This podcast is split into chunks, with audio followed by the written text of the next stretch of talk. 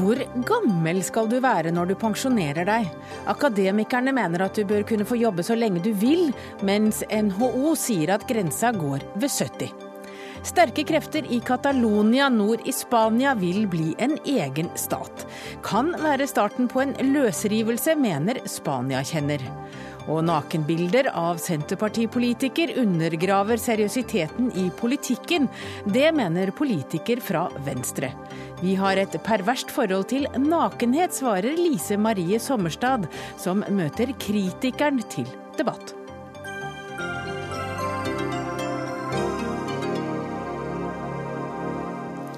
Velkommen til Dagsnytt 18. Jeg heter Hege Holm. Og aller først i denne sendinga skal vi til et tema som før eller senere opptar oss alle. For hvor lenge skal vi egentlig jobbe? Som vi hørte i Dagsnytt i dag morges, viser seniorpolitisk barometer at ledere og arbeidstagere de sier nei til en øvre grense for hvor lenge en skal ha rett til å fortsette i arbeidslivet. Og Knut Årbakke, du leder fagorganisasjonen Akademikerne.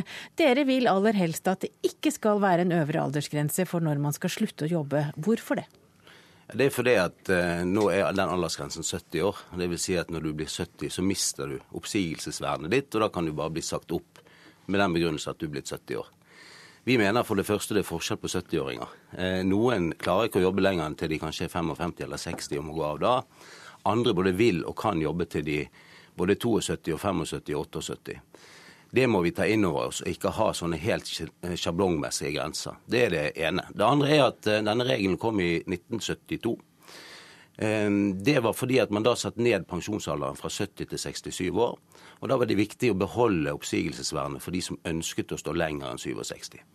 Nå er dette et effektivt hinder for de som faktisk både vil og kan jobbe etter 70. Og Det er det ganske mange som sier at de vil, og det er veldig mange som ikke får lov til det, dessverre. Svein Oppegård, du er direktør for arbeidslivspolitikk eh, i NHO. Dere ønsker at 70 eh, skal være en absolutt grense for hvor lenge folk skal kunne stå i jobb. Hvorfor det? Altså aller først vil jeg si at I næringslivet så er det jo vanlig å ha en 67 års eh, aldersgrense. En bedriftsfastsatt aldersgrense på 67. Vi har sagt at vi er positive til å heve den aldersgrensen, for vi ser at eh, folk både lever lenger, ønsker å jobbe lenger, må jobbe lenger for å få en god pensjon. Så vi er innstilt på å heve den grensen. Men vi mener at det skal være en objektiv fastsatt aldersgrense, og vi mener den aldersgrensen skal være 70 år. Da er vi villige til å se på de aldersbestemte bedriftsfastsatte aldersgrensene. Og Det er jo den samme som arbeidsmiljøloven har i dag? Det er riktig, det er arbeidsmiljølovens grense i dag. og Vi mener at vi hever den med tre år i privat sektor. og Det er et eh, skritt i riktig retning, og vi mener det er en riktig aldersgrense å ha. Men hvorfor ha en aldersgrense i det hele tatt? Jeg tror vi skal være ærlige på det, at eh, alderen krever sitt på alle områder. Og vi ønsker jo at det er eh, riktig å kunne slutte på et eh, objektivt, forutsigbart, konstaterbart tidspunkt, slik at man unngår diskusjonene om man duger eller ikke duger. Vi synes det er uverdig å måtte si opp arbeidstakere fordi de ikke duger aldersmessig. Vi er veldig bekymret hvis man skulle finne på noe så galt som å ikke ha aldersgrense i det hele tatt, eller sette de til 75 år. Altså Det som er problemstillingen, det er jo at her er det friske mennesker som ønsker å jobbe, som har masse erfaring, mye å bidra med. Ehm, vi ser også fra dette barometeret som er lagt frem i dag, også bedriftsledere sier nå, eh, i motsetning til NHO, at de ikke ønsker denne eh, øvre aldersgrensen. Og Da blir det ganske rart og bakstreversk, syns jeg, at NHO fastholder dette. Det er klart det er en bekvem måte å bli kvitt folk på, for de mister oppsigelsesvernet sitt. Men jeg er opptatt av at vi må bruke den arbeidskraften vi har tilgjengelig i dette landet her. Og det å kaste folk ut av arbeidslivet på den måten, det er ikke mye verdig. Altså Hvis du snakker om uverdig avgang, så er det faktisk det som er uverdig. At folk blir kastet ut av arbeidslivet, selv om de både kan og vil jobbe. Altså Det som er viktig i det makropolitiske og makroøkonomiske bildet, det er å få de på 58 til 65 år til å jobbe lenger. Det er der den samfunnsøkonomiske nytten ligger. Det er svært få som arbeider etter at de er fylt 70 år. Vi vet at det er under 10% som står i jobb når de er 70 år. Og da er det viktig at, og den gruppen er en selektert gruppe. Det er ytterst få mennesker. Vi har ingenting imot at folk kan jobbe etter 70 år, for all del. De må gjerne jobbe. Men stillingsvern etter 70 år, det stiller vi oss et stort spørsmålstegn om riktig. Men altså én av ti arbeidstakere, det blir ganske mange hundre tusen. Det er i det norske arbeidslivet. Så det er ikke få mennesker, det. Og vi vet at en Men av det er fire de som ønsker det, nettopp. du ikke helt Nei, altså En av fire sier at de kunne tenke seg å jobbe etter 70 når man spør. Eh, Og det er et høyt antall. Og Så er det jo det å si at her har du altså en regel som eh, er i motstrid til hele den pensjonsreformen som vi har innført i dette landet. Eh, Pensjonsreformen har gjort at alle kan gå av fra de er 62 år. Og så, kan man da, eh, så får man også såkalt levealderjustering. Dvs. Si at de, de yngre årskullene de må jobbe lenger for å motta samme pensjon. Og Det får de altså ikke mulighet til, da, fordi at de skal bli kastet ut av arbeidslivet når de er 70. Til tross for at folketrygden er bygd sånn at du får pensjonsopptjening helt til du er 75 hvis du får lov til å fortsette å jobbe. Så det er en mismatch i, i forhold til pensjonsreformen også. men er det også. ikke såpass få som vil stå i jobb til de er over 70 år? At det, hvorfor skal man i det hele tatt ha en regel oppe og gå?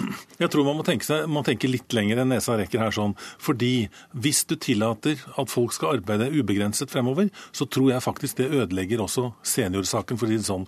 Fordi det vil være hemmende på rekrutteringen av yngre seniorer, for å kalle det det. da, altså med Arbeidstakere på 55 år og rundt der sånn, vil ha mye vanskeligere for å komme inn på arbeidsmarkedet hvis bedriftene, hvis bedriftene vet at disse blir ansatt i og for seg på evig tid. Det er en forutsigbarhet i muligheten til å slutte på 67 og på 70, og det er en forutsigbarhet som også er viktig for bedriften. Man må ikke bare ha arbeidstakersynspunkt i denne debatten, man må også ha bedriftssynspunktet. Og jeg tror det er veldig viktig å huske på det, at vi trenger all den arbeidskraften vi vil. Og det er feil når Årbakke sier at vi kaster ut folk. Det er fullt mulig å jobbe etter 70 år, og gjerne hvor som helst og når som helst, men stillingsvern blir det feil å ha etter 70 år. Og det betyr, når du ikke har stillingsvern, så betyr det, at... Det betyr at da må du ha en saklig grunn for å si opp folk. Og hvis folk ikke duger fordi de ikke henger med kompetansemessig, evnemessig eller på andre måter, så må man altså si dem opp. Det er en uverdig måte å avslutte et yrkesaktivt liv. Vi ønsker å beskytte arbeidstakerne mot slike uverdige prosesser. Men, men altså, jeg, jeg, jeg skjønner det at selvfølgelig det kan være tøft å gå til en oppsigelsessak der du må dokumentere at faktisk du leverer ikke lenger. Du klarer ikke å, å, å gjøre jobben din lenger. Det er en gyldig oppsigelsesgrunn etter norsk arbeidsrett. Um, Jeg skjønner at det er en prosess som, som er mer ubekvem enn det å bare kunne si at nå er du 70, så nå er det takk for innsatsen og ha et godt liv videre. Um, Men, men det er jo da ikke noe annet enn en oppsigelse, det òg. Ja, men i Det eneste, det, eneste er at, det eneste er at du plutselig når du blir 70, fordi at du har bursdag, så mister du oppsigelsesvernet ditt. Men, men, men dine akademikere de kan jo da få lov å jobbe videre hvis de føler at de har lyst, og er arbeidsgiveren gjerne vil ha dem i arbeid? Ja, hvis arbeidsgiveren vil, så er det greit. Um, og det, det har vi jo en del eksempler på. Og og det er mange private bedrifter som faktisk er blant de flinkeste i klassen. Så sånn sett så er kanskje ikke NHO representant for de verste her. Men hvis du går til universitetene våre, f.eks. En professor som blir 70, er ferdig. Da kan du bli emeritus og få en sånn eh, liten, et lite kontor, og så får du en litt sånn hyggelig eh, retrett. Eh, Men, men det å fortsette å undervise for fullt, forske for fullt, veilede for fullt, det får du ikke lov til. Og jeg mener det er misbruk av kompetanse til de grader. Men- men og så tror jeg også det er en ting du snakker om, dette med de, de som er 55 og 60. Det er jeg helt enig i. Vi må få folk til å stå lenger. Heldigvis så er pensjoneringsalderen gått opp en del i de siste årene. Men hvilket signal gir du når du sier at når alle vet at når du er 70, så er du i hvert fall ferdig? Da satser du ikke lenger på en 65-åring. Hvis du vet at dette er et menneske som hvis du eh, utvikler vedkommende, så kan du ha verdien av vedkommendes arbeidsinnsats kanskje til 75, eh, hvis vedkommende vil. Og det synes jeg at Når vi lager et fleksibelt pensjonssystem som sier at alle kan gå av fra 62, da må vi også ha fleksibilitet i den andre enden. Men jeg syns eksempelet fra universitetet er veldig søkt. Vi vet også at eh, kompetanse og evnen til å løse abstrakte problemstillinger osv., den faller med alderen. Og det finnes masse unge, dyktige forskere som gjerne vil overta. De som er 70 og har et langt yrkesliv bak seg, de burde få muligheten til å gjøre noe annet, og ikke sitte og blokkere Men de har stillinger fremover. De kan de kan gjerne er fortsette, 62 men det er viktig også er, for å få disse i arbeid. det er vel helt klart at et eller annet sted blir det jo en blokkering. Hvis folk ikke slutter, så har man ikke råd til å men, nye. men det er ikke det store problemet at folk ikke slutter. Det største problemet er at folk går av for tidlig. og vi skulle gjerne hatt de lenger. Heldigvis så er det på vei opp. Nå skal vi, nå skal vi høre litt, for eh, vi har med oss en tredje kvinne her. Mette Manus, du er karriereveileder og du er daglig leder av Manus Motivasjon. Finnes det nye jobber for seniorer som eh, gjerne vil bytte jobb, eller av en eller annen grunn ikke kan være den jobben de har? Altså Det er klart det finnes disse jobbene, men det er blitt veldig tungt for dem over, over 50. Nå holdt på å si 40. Det er ja, vel... nei, altså det er det, over 50, men det, det, kan gå lenger ned. Altså Det er blitt mye tyngre å komme seg over i ny jobb når man har passert 50. Men, eh, Så nå sier jo alle da at eh, finn det du vil holde på med til du er 50, for da er det vanskelig å skifte. Og det er klart, Hvis vi skal ha, at folk skal stå løpet så, lang, så lenge, så må jo næringslivet være villig til å at, eh, til å ta imot folk over 50 og 60, og de må være villige til at folk endrer jobb. I, i, høyere alder. Jeg vil gjerne kalle dem for mentorer. Jeg er jo ikke seniorer, for det er liksom et sånt litt odiøst begrep. Mens eh, de har jo en lang erfaring disse over 50 har lang erfaring, de har masse kunnskap.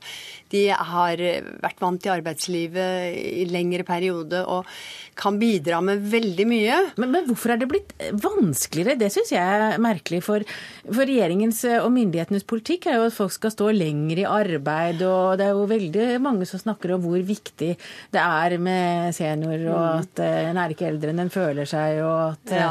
en trenger erfaring og Altså, jeg, er også, jeg, er opptatt av at det skal være valgmuligheter, og at uh, det er så individuelt. Har du et fysisk tungt arbeid innen helse og omsorg eller bygge, byggevirksomhet osv. Det er klart Du kan ikke sammenligne det med en akademiker som kan sitte og, og bare bruke den delen av uh, fysikken. Så, så, det er jo for noen er det en lettelse å kunne få lov å slutte, og de må da ha fysiske eller psykiske årsaker. Uh, for andre har, andre har veldig lyst til å fortsette. Og, men vi må også slippe til de unge. Det, det, er ikke et ubegrenset arbeidsmarked, og det er mye tøffere i dag enn det har vært. Så, så, det er jo noe med at eh, vi må slippe til de unge, vi må ha god kompetanse. Men er ledere uinteressert i å ansette folk f.eks. som er eldre enn seg selv? Altså, det, I dag er det veldig mange som blir ledere i ganske ung alder. Og en 35-årig leder vegrer seg kanskje litt for å ansette folk som er eldre, har mye erfaring og syns det er veldig greit å ansette noen som er jevnaldrende eller yngre, og kan forme dem selv. Så, og det som er litt problem, hvis du da har fått deg en del kompetanse og kommet nokså høyt opp karrieremessig, og skal skifte jobb og du er over 50 fordi bedriften må nedbemanne eller det er andre årsaker, så så veldig Så vil de ikke heller ansette noen, selv om du godt kan tenke deg nå ikke ha lederansvar, f.eks. For, for du vil, du vil ha en litt roligere arbeidsliv så, så, er det vanskelig å få overbevist de som ansetter at, uh, at, du ønsker det. Du er overkvalifisert, men du er kanskje fornøyd med det. Hvis du er blitt nærmere 65 eller, eh, og fortsatt vil ha en, uh, ut og ha en ny jobb så er det vanskelig å overbevise om at du er fornøyd med å ikke ha den posisjonen du en gang hadde. Men det du sier er jo altså at arbeidslivet for seniorer blir bare verre. Så egentlig diskusjonen om eh, hvor lenge en kan stå i arbeid, det er hvis en står i den samme jobben som en alltid har hatt. Vel, det ser sånn ut nå. Det er klart det er mye bak, eh, bak disse tingene også, men det ser sånn ut nå at det er ikke så lett å endre og, og, og få en ny type jobb når du er uh, passert ja, jeg sier 50. Ja, Mette Manus, du er jo ikke noe ungdom du heller. Hvor lenge har du tenkt å jobbe? Nei, Jeg er så heldig at jeg kan jo fortsette da, så lenge hodet virker. Og, og, men jeg driver jo med noe som jeg ikke Det er ikke fysisk anstrengende. Det er eh, kommunikasjon, ikke sant. Du jobber med mennesker. Eh, så det er jo privilegert, da. Og du driver ditt eget firma? Og jeg driver mitt eget, så jeg kan trappe ned òg. Så jeg håper jeg kan fortsette en god stund til. Takk til Svein Oppegård, Knut Årbake og Mette Manus. Dagsnytt 18 alle hverdager kl 18.00 på NRK P2 og NRK2.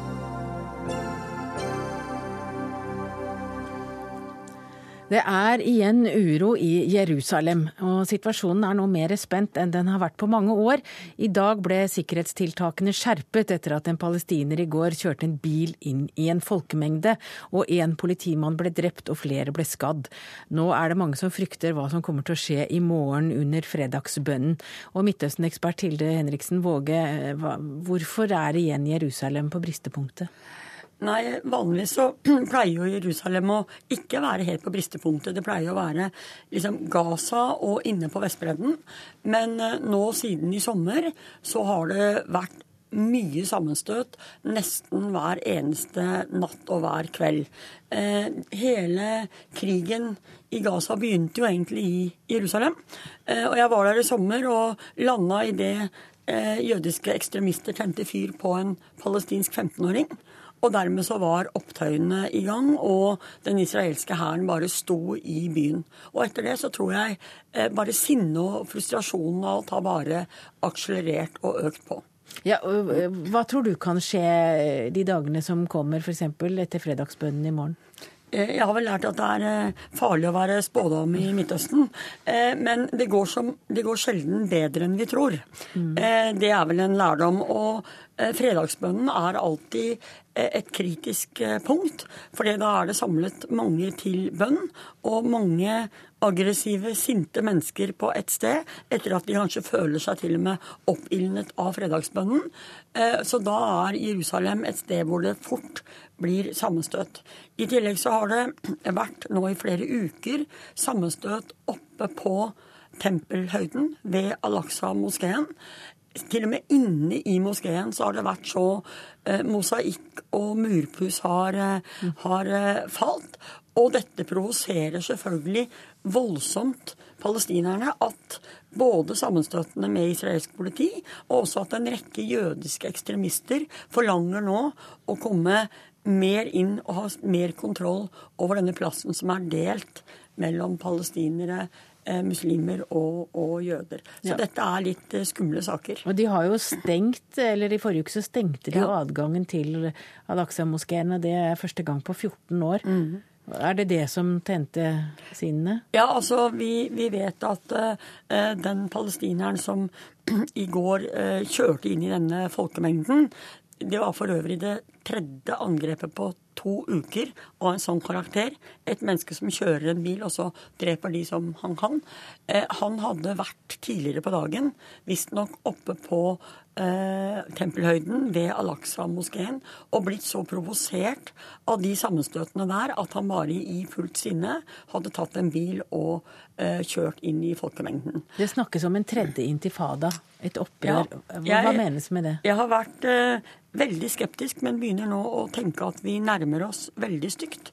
Eh, det er sånn at eh, på Vestbredden så er det jo sånn at de, de palestinske sikkerhetsstyrkene de holder ro og orden sammen med den israelske hæren og israelsk etterretning. De holder eh, befolkningen i ro. Eh, men nå når ikke det er noe politisk håp av noe slag, ingen fredsprosess, ikke noe FN-spor, ikke noe anerkjennelse, ingenting, så blir det også vanskeligere og vanskeligere for den palestinske selvstyremyndigheten å samarbeide med israelerne om å holde sin egen befolkning i ro og i sjakk.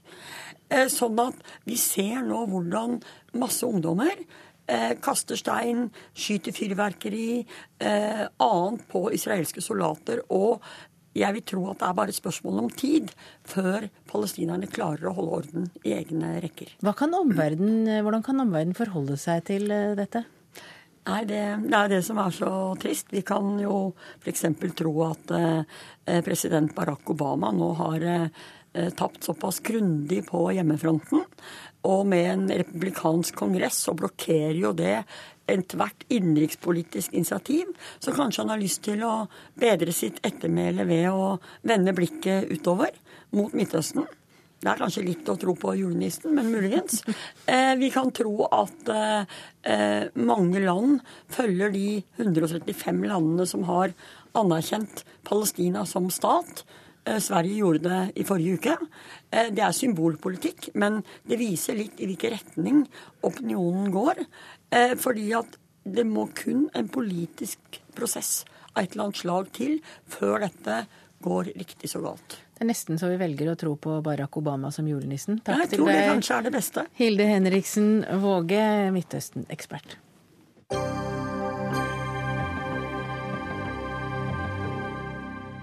Ja, Om litt møter Venstres Rebekka Bosch Senterpartiets Lise Marie Sommerstad for å diskutere politikere som kler av seg i avisene, men først skal Bosch snakke om gradert barnetrygd. For Venstre har nemlig foreslått at inntekt skal avgjøre størrelsen på barnetrygden. Dette er en fattigdomsfelle, det mener Minervas kommentator Jan Arild Snoen. Nå må du forklare oss om den fellen, Snoen. Ja, dette betyr jo at uh, hvis du holder deg un under en viss inntekt, så får du disse godene. Da tjener du på dette systemet. Men så fort du begynner å tjene mer, gå over den grensa, så mister du noen goder. Og hvis du mister mange goder samtidig, så er det sånn at det ikke, løn, ikke lenger lønner seg da, å ta den økte inntekten.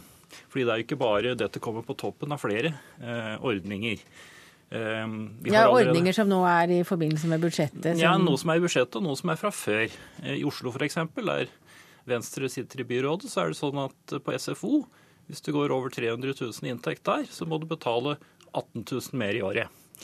Og i eh, statsbudsjettet så foreslår regjeringen, og det er Venstre enig i, så vidt jeg kan skjønne, at det skal være viss inntektsgradering også i barnehagebetalingen. Så dette blir den tredje ordningen som slår ut på samme måte. Og da mener du at dette her kan føre til mer fattigdom og mindre arbeid? Ja, det, det, dette er det, er det samme som å legge en skatt på den siste krona på ofte på over 100 eh, og ellers veldig høy skatt, sånn at du er ikke motivert. Du har ikke noen grunn til, økonomisk grunn til å jobbe mer, altså ta en høyere stilling eller søke en stilling som gir deg en bedre inntekt. Og Da blir du låst fast i relativt lav inntekt. Og Det kan også gå i arv til barna dine. Ja, Under 300 000 er jo ikke stort. Men eh, du er altså sentralstyremedlem i Venstre, Rebekka Borch. Og dere foreslår bl.a. at lavtlønn som tjener under 300 000 skal få 542 kroner mer i måneden. Eh, nå sier altså Snoen at dette er en fattigdomsfelle, og har regna ut at det er det for mange. At, og det fører ikke til at folk får mer lyst til å jobbe. Hva sier du til det? Mm. Nei, altså Jeg vil ha først lyst til å si hvorfor vi har gjort dette. Eh, vi ser nå en situasjon eh, der mange av disse ordningene er universelle. Dvs. Si du får like mye penger uansett om du tjener lite eller mye. Det har over tiden ført til at flere av de fattige familiene, eller at alle fattige familier relativt sett får mindre. Mens det samtidig finnes veldig mange familier som legger disse pengene, altså barnetrygd, mer eller mindre på en sparekonto fordi de strengt tatt ikke har behov for det. De tjener nok penger. Så har vi da fått fram et budsjett av regjeringen, eller et forslag på budsjett, eh, som gjør veldig mange folk redde, fordi eh, de kutter altså da hos de svakeste. Eh, et usosialt budsjett som vi mener ikke kan stå som det er. Og Vårt forslag med å eh, differensiere barnetrygden går jo nettopp på å løfte de fattige, gi mer penger til dem som trenger det mest, og ta de pengene fra dem som strengt tatt ikke trenger den ordningen. Eh, men nå har jo noen eh, flere gode poenger i det han har skrevet. Ja, han regner, har han gjort han regnestykker som ikke en, dere har gjort? Han har regna på en del tilfeller, men han har gode poenger med at det skal lønne seg å jobbe. Det er jo vi i Venstre helt enig i. Og så må man faktisk passe på at man ikke lager en, en overlapp av ordninger som kan gi uheldige konsekvenser eller skape en sånn fattigdomsfelle. Eh, men nå mener vi i Venstre at eh, dette ikke er tilfellet med det forslaget vi har lagt i bordet. Så er det selvfølgelig sånn at du uh, vanskelig kan skape et helt perfekt system. Det vil alltid være tilfeller hvor noen kommer sånn ut at det kan gi uheldige uh, utslag. Og det må vi følge opp på. Vi må evaluere det som kommer av nye ordninger hvis vi får gjennomslag for det. Og så må vi følge opp også med lovverk som da muligens utelukker den type ting. At, at folk havner i en fattigdomsfelle. Men jeg tror jo ikke at det blir tilfellet for mange folk. Tvert imot så vil veldig mange få en bedre hverdag med en, eh, med en barnetrygd som går til dem som trenger det mest. Du kommer ikke unna eh, regneeksemplene mine, som da finnes i en artikkel i Aftenposten mm. i går. Altså En enslig mor i Oslo med to barn, en i barnehagen og en på SFO, tjener 295 000. Mm. Hvis hun da på et eller annet vis tjener 350 000, så vil hun sitte igjen med 1000 kroner mer enn hvis hun ikke tar den økningen. Og Det er jo nettopp denne fattigdomsfellen. Du klarer ikke å regne det ut av det. Det er også Du kritiserer regjeringens usosiale forslag. Et av dem som dere er imot, det er dette med barnetillegget eh, for uføretrygdede. Mm. Det er akkurat det samme. Der er det mange i dag som har mer i trygd enn de hadde da de jobbet. Og derfor har de, For det første er det urettferdig, og for det andre så har de heller ikke noe motiv for å komme seg tilbake ut av trygdesituasjonen eller delvis over i arbeid. Alle disse tingene går i samme linje. Eh, det er et brudd på arbeidslinjen, alle sammen, som Venstre egentlig er for, mm. men som i praksis Venstre er imot. Du har veldig liten tro på at folk egentlig vil jobbe noen? Ja, og der skiller vi kanskje litt uh, lag, fordi uh, vi har jo et positivt grunnsyn på folk. Og vi går ut fra og legger til grunn at de fleste ønsker å jobbe. Og det noen glemmer litt i sine regnestykker, det er jo at mange av de som er uføretrygdet, de kan jo ikke jobbe. De skulle gjerne jobbet mer, eller de skulle gjerne jobbet i det hele tatt, men de er ikke i stand til det. Og Disse menneskene må vi ivareta på en god måte. Og med det budsjettforslaget og de kuttforslagene som har kommet, så mener ikke vi at vi gjør det i det hele men, tatt. Men nå var det ikke budsjettet vi diskuterte, nå var det deres forslag om ja. gradert barnetrygd. Er du helt sikker på at det er et godt forslag? For barnetrygden er jo ikke veldig stor, og den har jo mm. ikke økt på veldig, veldig mange år. Og bør ikke barneforeldrene få den ganske likt, slik at man slipper enda mer byråkrati for å finne ut av hvem som fortjener og hvem som ikke fortjener? Altså Barnetrygdens andel i inntekten har jo sunket veldig mye. For 16 år siden var det 20% i inntekten til folk eh, til enkelte, og så er det i dag ned i 8% Men det som er viktig, og det er poenget vårt, at for mange familier betyr denne barnetrygden veldig lite, kanskje nesten ingenting. De bare legger det et sted og sparer til, til barna er store. Mens for noen familier betyr dette mye. Og disse familiene må vi hjelpe, og tallene eh, snakker jo et klart språk. Vi har fått flere barn som vokser opp i fattige familier i dag, og de må vi bare hjelpe. Og så er jeg helt ærlig på at nei, vi vet ikke 100% om dette systemet blir bra for absolutt alle. Men vi ser at dagens system i hvert fall er dårlig for ganske mange. Og de må vi prøve å hjelpe. Og, og da er det et sted å ta penger fra. Men noen jeg spurte deg, altså jeg syns det virker som du er ganske mistroisk. Du har liten tro på at folk vil eh, jobbe, og at det er jeg viktig tror, Jeg tror de færreste vil jobbe hvis de ikke fikk betalt. Og det er det det er snakk om her. Hvis du f.eks. da har en full stilling av 350 000, hvis du da går ned, slutter å jobbe fire dager i uka isteden, eh, så taper du nesten ikke noe på det. Og det tror jeg de fleste vil synes er attraktivt. Eh, så jeg tror at det er flere grunner til å jobbe enn bare lønn. Det er det. Men lønnen og størrelsen på den har en betydning for hvor inspirert du er til å jobbe, og hvor mye du vil jobbe. Så tjener du ikke noe mer på å jobbe mer, så, så er det ikke så mange som gjør det. Syns du det er et problem? Uh, jeg er jo ikke enig i at de fleste vil foretrekke å ikke jobbe. Jeg tror faktisk de fleste syns at jobb er en viktig del av, uh, av livene deres. Men hvis de kan kjøre litt mer redusert, jobbe en dag mindre og tjene det samme? Det vil alltid være folk som, som, på en måte utnytter de velferdsgodene vi har. Det har vi på i dag, og det vil vi antageligvis også ha med nye ordninger. Og Da må vi følge opp som stat og som politiker og skape gode nok uh, evaluerings- og oppfølgingsverktøy. Og, og prøve å, tette smutthull som vi etter hvert ser. Men det er ett poeng til som jeg hadde lyst til å si, og det er nemlig at Venstre også foreslår å senke uh, skatten til de lavtlønnede gruppene, sånn at det lønner seg mer for de å jobbe. Det gjør vi samtidig, og det mener jeg også er et viktig poeng å ha med. Ja. Takk til deg, Jan Arild Snoen, kommentator i Minerva og Høyre-medlem. Og så blir Rebekka Borsch, sentralstyremedlem i Venstre sittende.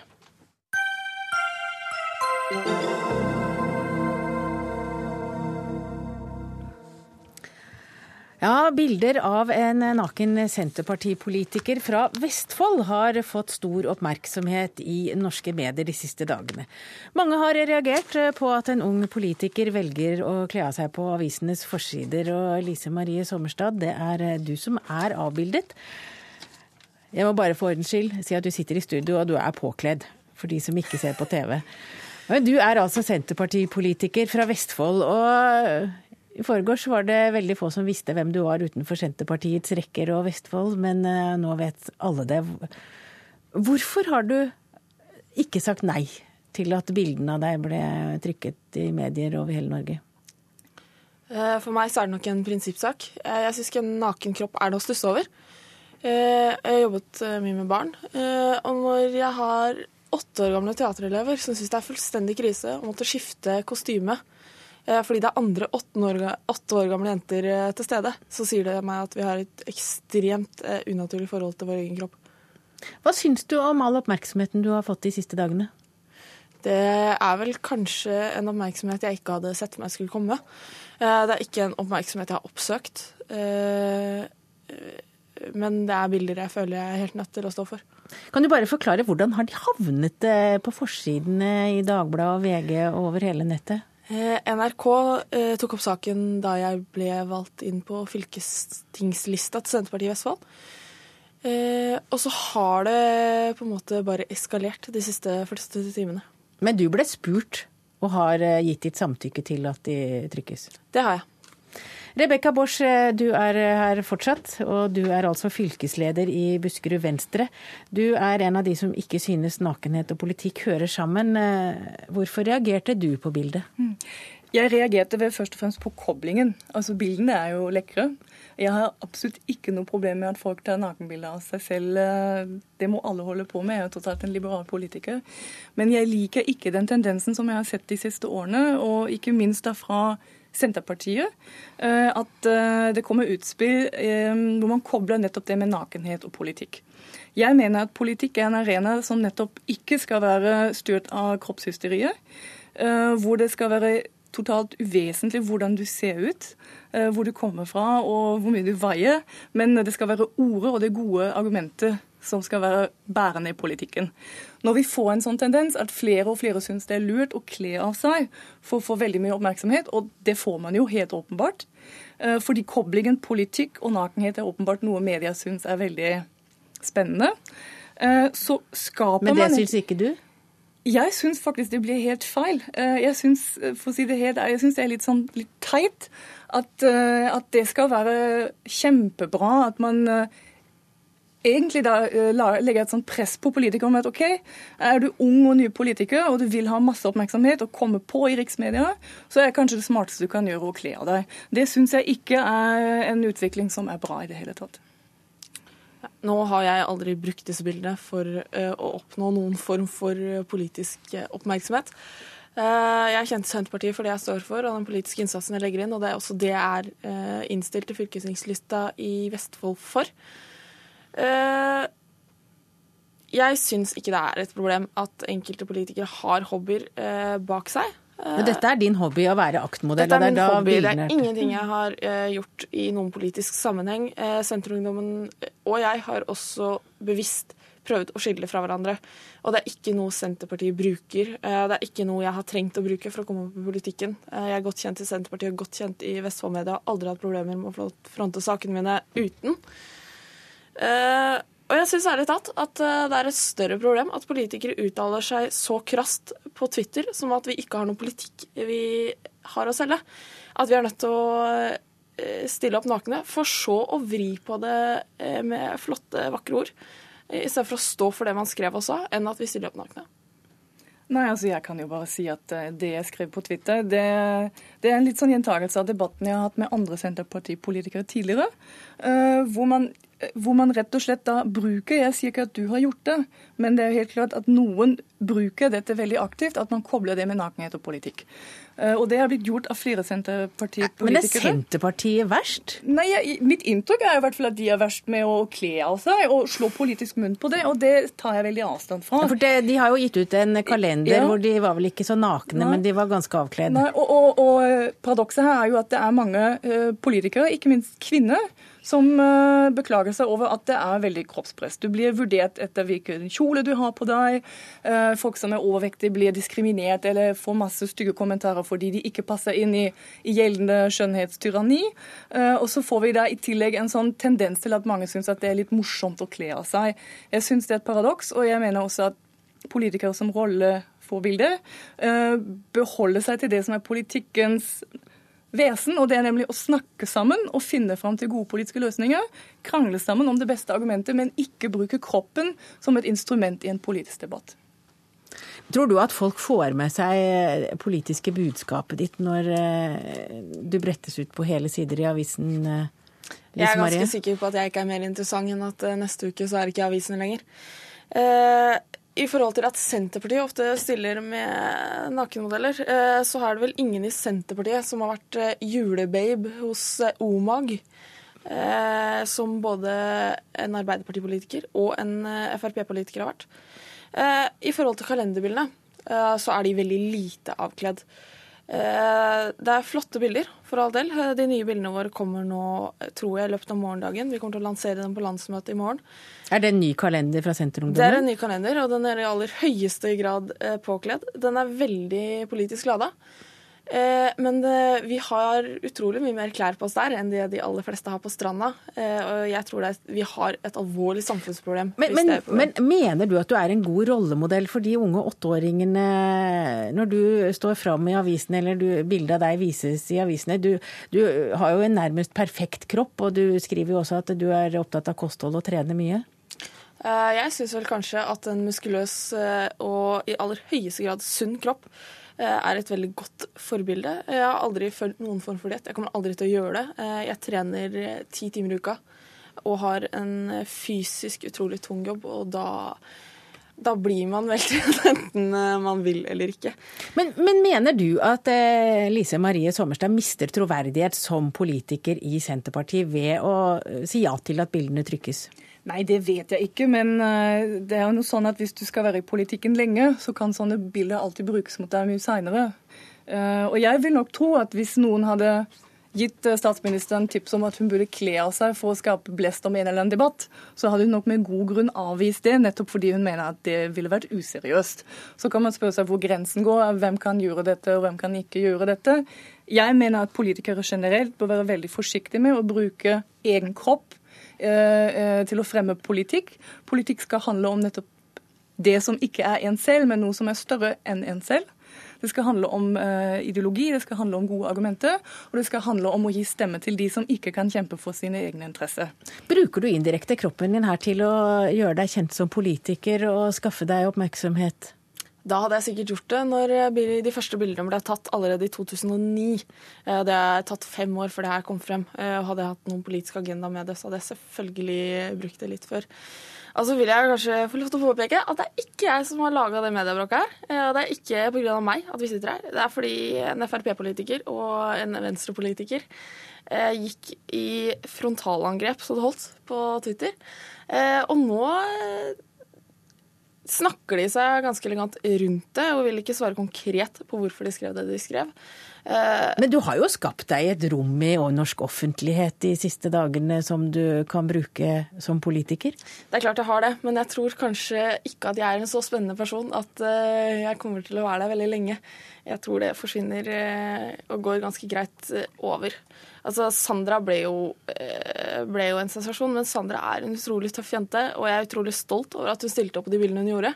Fordi Sandra har fått mye negativ oppmerksomhet fordi eh, hun har en utseende som er langt utenfor, altså utenfor det skjønnhetsidealet som er nå. Eh, og jeg syns hun er et kjempeforbilde som bare kjører på og er stolt av den Men når vi, når vi glemmer den perfekte kroppen din, hva er det du vil at vi skal huske deg for? Hva slags politikk, hva er det du er opptatt av? Eh, det som står mitt hjerte nærest, er eh, en god folkehelse. Eh, jeg er veldig, veldig opptatt av eldres psykiske helse. Og så er jeg jo murer, og derfor veldig opptatt av at yrkesfagene skal ha større, større politisk prioritet enn de har, og de ble absolutt nedprioritert i statsbudsjettet. Takk til eh, Lise Marie Sommerstad, senterpolitiker i Vestfold og murer. Rebekka Bosch, fylkesleder i Buskerud Venstre. Hør Dagsnytt 18 når du vil. Radio NRK Radio.nrk.no.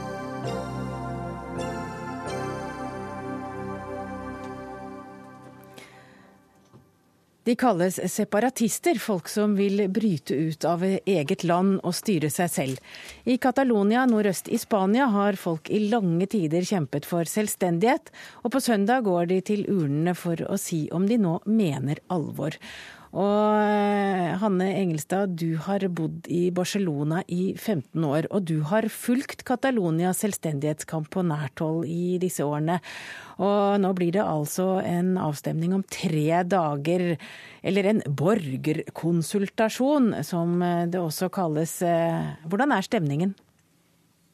Eh, ja, stemningen er egentlig mer avslappa enn det den eh, kanskje burde vært, kan man nesten si. Katalanerne er et veldig avslappa folkeslag som egentlig de er innerst inne kanskje ganske irriterte, men på den annen side så har de tenkt å stille opp og stemme på søndag.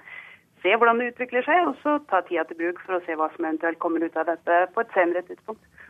Men hva er det viktigste argumentet de bruker for å løsrive seg? Det skal vi se, det viktigste argumentet Argumentene har på mange måter egentlig alltid vært historiske, de har vært kulturelle, de har vært språklige, til dels også i de siste årene ganske mye økonomi inne i bildet, selvfølgelig.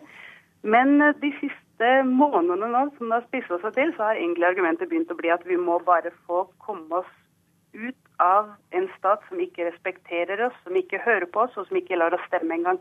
Så det er faktisk blitt sånn at folk har begynt å være faktisk mer opptatt av avstemningen selv enn av hele hva de faktisk skal stemme for eller imot. Så det er litt pussig situasjon sånn sett. Torgeir Larsen, du var Norges ambassadør i Spania fra 2010 til 2011. Hvor dypt stikker konflikten mellom Catalonia og resten av Spania? Altså, konflikten mellom uh, Catalonia og, og sentralregjeringen i Madrid, uh, som ble sagt her, er jo en historisk lang konflikt. Uh, skal vi ikke glemme at hele Spania er jo et lappeteppe på mange måter av en lang rekke kulturer og flere språk. Men Catalonia er en stor del av, av, Spania. De siste par årene har dette spisset seg til med den nåværende delstatspresidenten Artur Mas Eh, som har gått for det partiet han da representerer, for en uavhengighetslinje. Eh, og så har du fått denne symbolske folkeavstemningen, som jo ikke blir en folkeavstemning i folkeavstemningsforstand som i Skottland. Eh, fordi sentralregjeringen har vært formalistisk og sagt at dette er ikke i henhold til konstitusjonen, og fått Høyesterett på sin side der. Så den har ikke noen effekt i den betydning at uansett hva som skjer på søndag, så har den ikke noen konsekvens sånn rent formelt. Men det er klart, den har jo ført til enda større uh, følelser uh, og enda større avstand mellom Catalonia og, og sentralregjeringen. Og så til slutt vil jeg si at dette er jo en krise, men det er jo en krise i en enda større krise i Spania. Det er jo på mange måter en en politisk krise i hele Spania, der det etablerte politiske Spania ligger nede. Eh, det er korrupsjon, det er en økonomisk krise rundt det, og de etablerte partiene synker på, på målingene.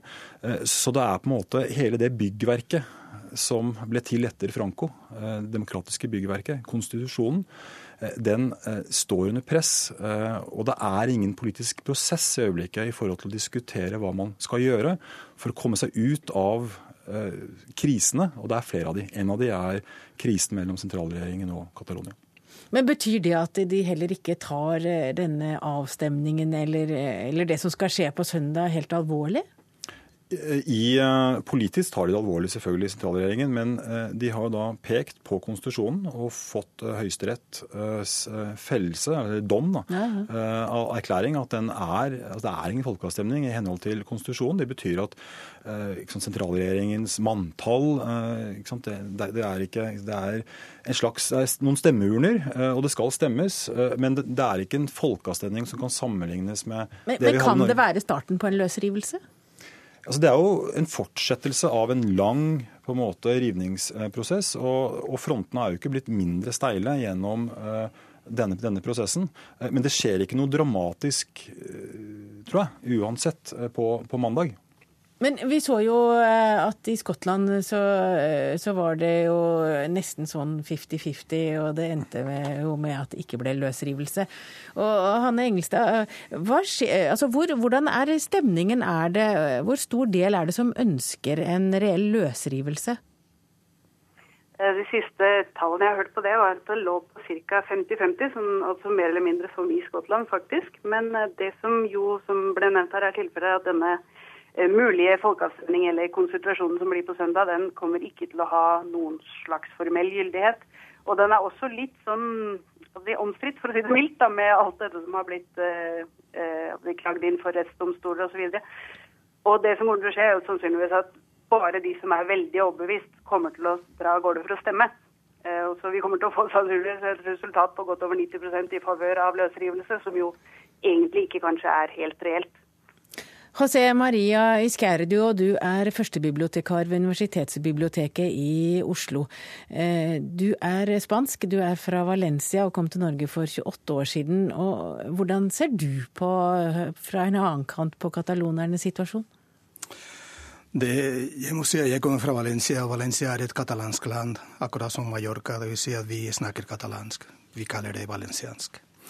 Og derfor for oss er uh, situasjonen er bekymringsfull. Fordi å etablere f.eks. en grense mellom Catalonia og Valencia, det er helt utenkelig.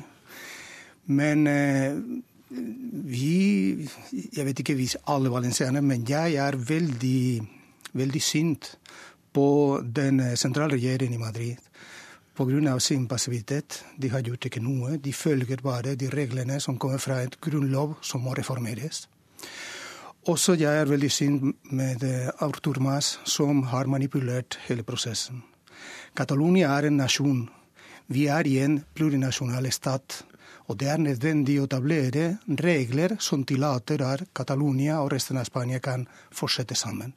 Vi har en felles historie, vi har felles prosjekter, vi har felles marked osv. osv. Derfor det er det er som eh, han sier, vi er veldig sint mot våre politikere og hele det politiske systemet som finnes i Spania akkurat nå. Og vi mener at det er nødvendig å reformere Grunnloven. Vi har gjort før i vår tid. Det er Frankrike som har gjort det. Italia ja, Hvordan skal Grunnloven reformeres? For det første det er nødvendig at vi fortsetter med vår eh, prosessen til å etablere en føderal staten, hvor de forskjellige nasjoner som og regioner eh, kan leve sammen. Det er nødvendig å forandre f.eks. For eh, dette eh, artikkel som tillater ikke å lage referendum eller folkeavstemning for for eksempel, ja, så man må kalle det for et borger... Ja, for det, du vet, det er helt absurd å si at resten av Spania kommer til å bestemme hvis Catalonia kommer til å bli selvstendig eller ikke. Det er helt absurd. Og dette er noe som vi har opplevd i Spania i vår historie, med Latin-Amerika f.eks. De, konstitusjonen tillater ikke det, men de ble selvstendige. Og det kommer til å skje på en veldig Dette som kommer til å, til å skje på, på, på søndag, det er ikke bare absurd. Det kommer til å bli frustrerende for katalanerne. Fordi de, de gir ikke noe eh, makt for å, å, å, bli selvstendige. Det er bare for å vise at ca. 40 av katalanere er for selvstendighet. Og resten er for å få en folkeavstemning for å bestemme hvis de vil bli selvstendige eller ikke. Men mange av dem skulle ha stemt nei. Og det er det som eh, Madrid forstår aldri i, når det gjelder eh, alle disse prosessene, nasjonale periferiske prosesser som finnes i, i Spania, at det er forskjellige virkeligheter, det er forskjellige nasjonale realiteter som trenger en debatt, en diskusjon sammen på samme nivå, med respekt med alle disse, alle disse nasjoner, regioner i Spania som er ikke som Castilla-La Mancha eller Castilla-León eller sentrum av Spania. Og dette skjer ikke. Og passiviteten, det eneste som produserer, er, for å si på riktig norsk, faenskap og frustrasjon. Ja, nei, altså, Det beskrives jo her uh, den frustrasjonen, men det er vanskelig. Det er klart at det er et land som har uh, veldig mange uh, nasjonale identiteter. I en situasjon hvor også politikken, den vanlige politikken, mister tillit. De tradisjonelle partiene svekkes. Fagbevegelse, arbeidsgiverorganisasjoner trekkes inn i korrupsjonsskandaler. Så det etablerte Spania. Og det å åpne denne grunnlovsboksen fra en posisjon der du er svekket, det er veldig vanskelig. Så jeg tror veldig for Du har vel baskerne også? Du får flere da som kan bite fra seg? Ja, det har du. Nå har, baskerne er jo da et særtilfelle i, i Spania i den forstand at de, de, gjennom konstitusjonen så har de en, en, frihet som Catalonia ikke har. Eh, de, eh, de, kan kreve, de krever inn skattene i, i Baskeland. Og så sender de av gårde på en måte det de skal sende av gårde i forhold til å finansiere utenriksvesen og forsvar og sånn, og så beholder de resten.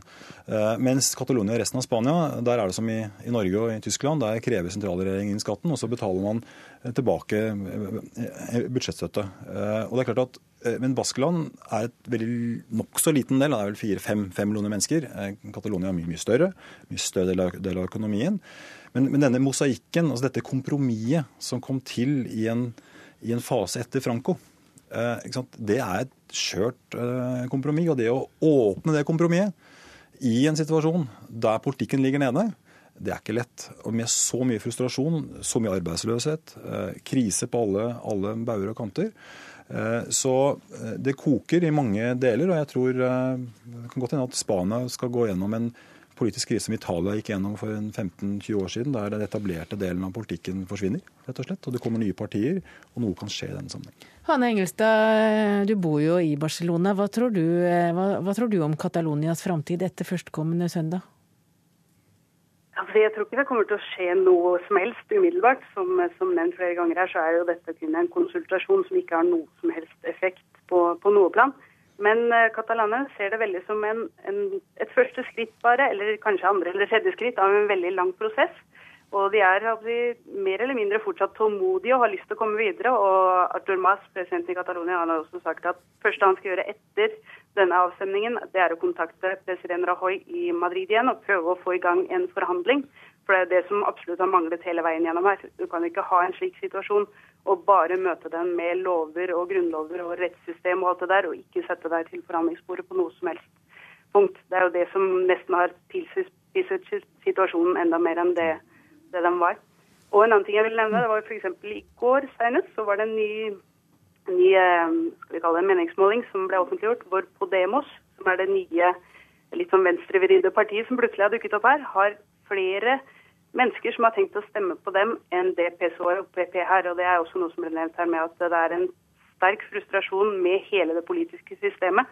Og jeg tror faktisk også dette med løsrivelsen av Catalonia, at for veldig mange så er det et svar på at de er slitne av en korrupt stat og de er slitne av et korrupt system. Og de håper at kanskje Catalonia kan være annerledes. Det er jo ikke dermed sagt at det kommer til å bli sånn, men det kan være litt av forklaringen, det også, faktisk. Og På søndag er det altså borgerkonsultasjon, eh, som det heter, hvor de skal svare på spørsmålet for eller imot eh, selvstendighet for Catalonia i Nord-Spania. Takk for at dere kom.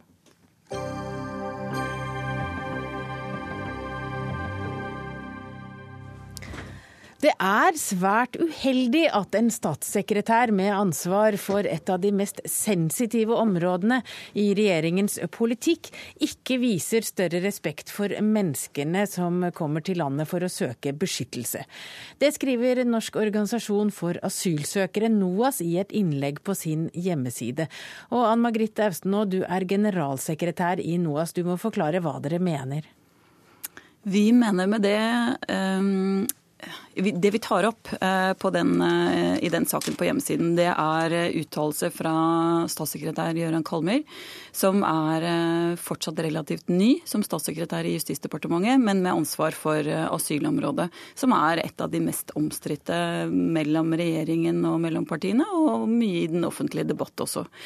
Og det vi tar opp, er det vi helt klart ser som eh, uttalelser på feilaktig grunnlag, og at han eh, med stor selvfølgelighet eh, sier ting som han ikke har dekning for.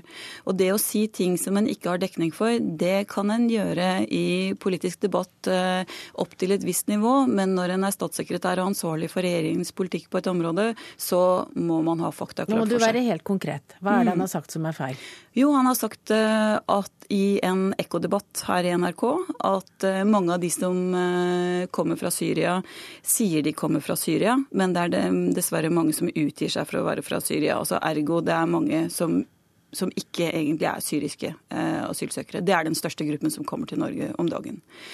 Eh, NOAS møter eh, over 90% av dem, og de vi møter, de har stort sett pass og reisedokumenter som dokumenterer at de er syrere. Så dette er en ukjent problemstilling for oss. Og vi har ikke sett at, at Kalmyr eller Justisdepartementet dokumenterer at det er et stort problem.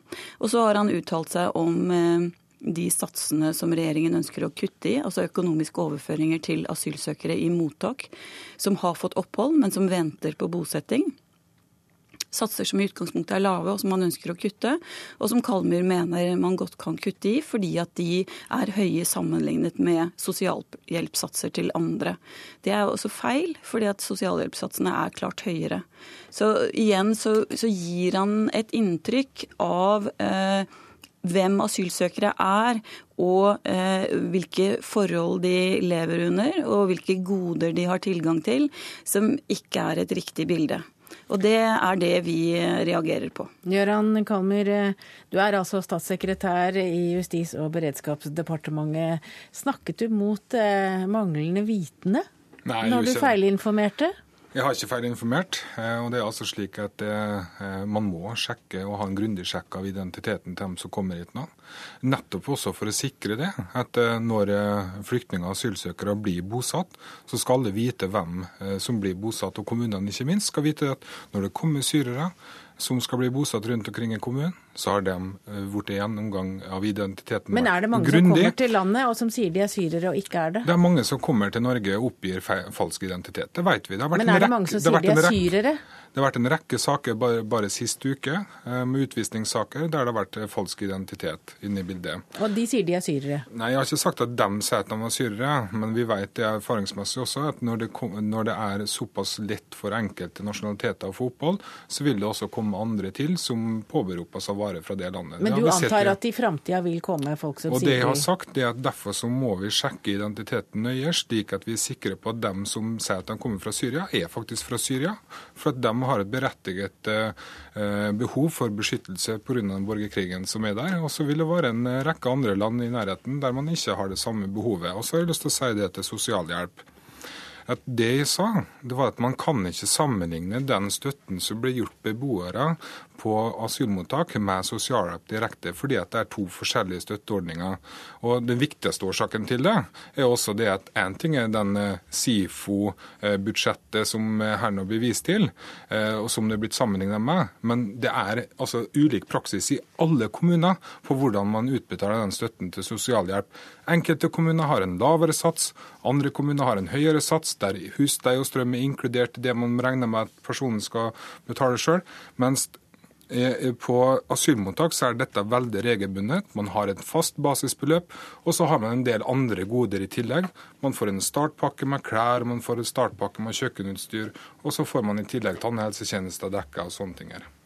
Ja, men det, det, som eh, jeg viser til, og som NOAS viser til, er faktisk de satsene som eh, finnes på regjeringens hjemmesider om sosialhjelpsplasser. Det som er utgangspunktet for det. Og det er det vi må forholde oss til. At det er nei, det som det går, kommunene ja, skal beregne jo, på basis av. Nei, nei, nei, det er ingenting som tilsier at kommunene skal beregne ut ifra det. Jo, det, står i loven at jo, kommunen skal gjøre en individuell vurdering ja, av behovet. På bakgrunn av de satsene som er gitt der. Men dette er, veldig, dette er veldig teknisk. og de færreste kan egentlig se for seg satsene dere snakker om. Men hvis vi går tilbake til spørsmålet om syrere og ikke-syrere, hvorfor er det så viktig? Jo, fordi at uh, han sier noe uh, som han kun kan begrunne generelt, og så sier han det spesifikt om syrere. Syrere er den største gruppen med asylsøkere som kommer til landet nå. Det er den største gruppen som kommer til Europa. Det er en av de største gruppene som nå tar seg over Middelhavet i farlige farkoster. Derfor så mener jeg at det er veldig skadelig når han i den posisjonen han nå har som forvalter av regjeringens politikk på dette området, kaster en sånn mistenkelighetens skjær over syrere. At de som kommer til Syria, mange av dem utgir seg for å være syrere, men de er ikke det. Han kan ikke, eh, og det er jo slik han svarer nå, han sier, svarer generelt at det er en del som utgir seg for å være noe de ikke er. Men han kan ikke dokumentere at det er mange som utgir seg for å være syrere uten å være det. Og når ikke en representant for regjeringens politikk kan dokumentere det, så skal man heller ikke si det. Det er altså slik at eh, vi har sett det i en årrekke. At, eh, vi har ikke hatt syrisk problem i en årrekke. Nei, det er akkurat derfor vi er veldig ukjent hvor stor omfang dette her nå er. Men, men du derfor, sa, for å være der, helt ja, ordrett, så sa du at det er dessverre mange som påberoper seg å komme fra Syria. og Derfor må vi nøye vurdere om de kommer fra Syria. Ja, derfor så må vi nøye vurdere om de kommer fra Syria. For det, det, vil erfaringsmessig være mange som kommer til å påberope seg det. Men det alle skal være sikre på, at vi kommer til å foreta en nøye vurdering. Og dette ble ikke sagt for å mistenkeliggjøre dem som kommer fra Syria. Tvert imot. Dette var faktisk sagt for å kvalitetssikre at de som sier at de kommer fra Syria, faktisk kommer dit nå. Slik at alle skal være klar over det, at når de blir bosatt i kommunen, så skal de være trygge på at vi kjenner identiteten deres, og at de er faktisk dem, det de utgir seg for å være. Og Det forhåper jeg jo det at også NOAS er enig til at det er fornuftig og bra, at vi har gjennomført den kvalitetssikringa. Og så har jeg bare lyst til å si det i forhold til sosialhjelp. Det, det går ikke an å sammenligne direkte. Og bare det at det er forskjellig praksis rundt om kommunene, det kan da verken NOAS eller noen andre benekte. Det ble siste ordet i akkurat den saken, for eh, vår sending nærmer seg hastig slutten. Takk for at dere kom. Ansvarlig for denne sendingen var Ida Tune Øritsland. Det tekniske ansvaret hadde Frode Thorshaug. Jeg heter Hege Holm, og Dagsnytt 18 kan du høre når du vil på nrk.no. Og du kan også laste oss ned som podkast.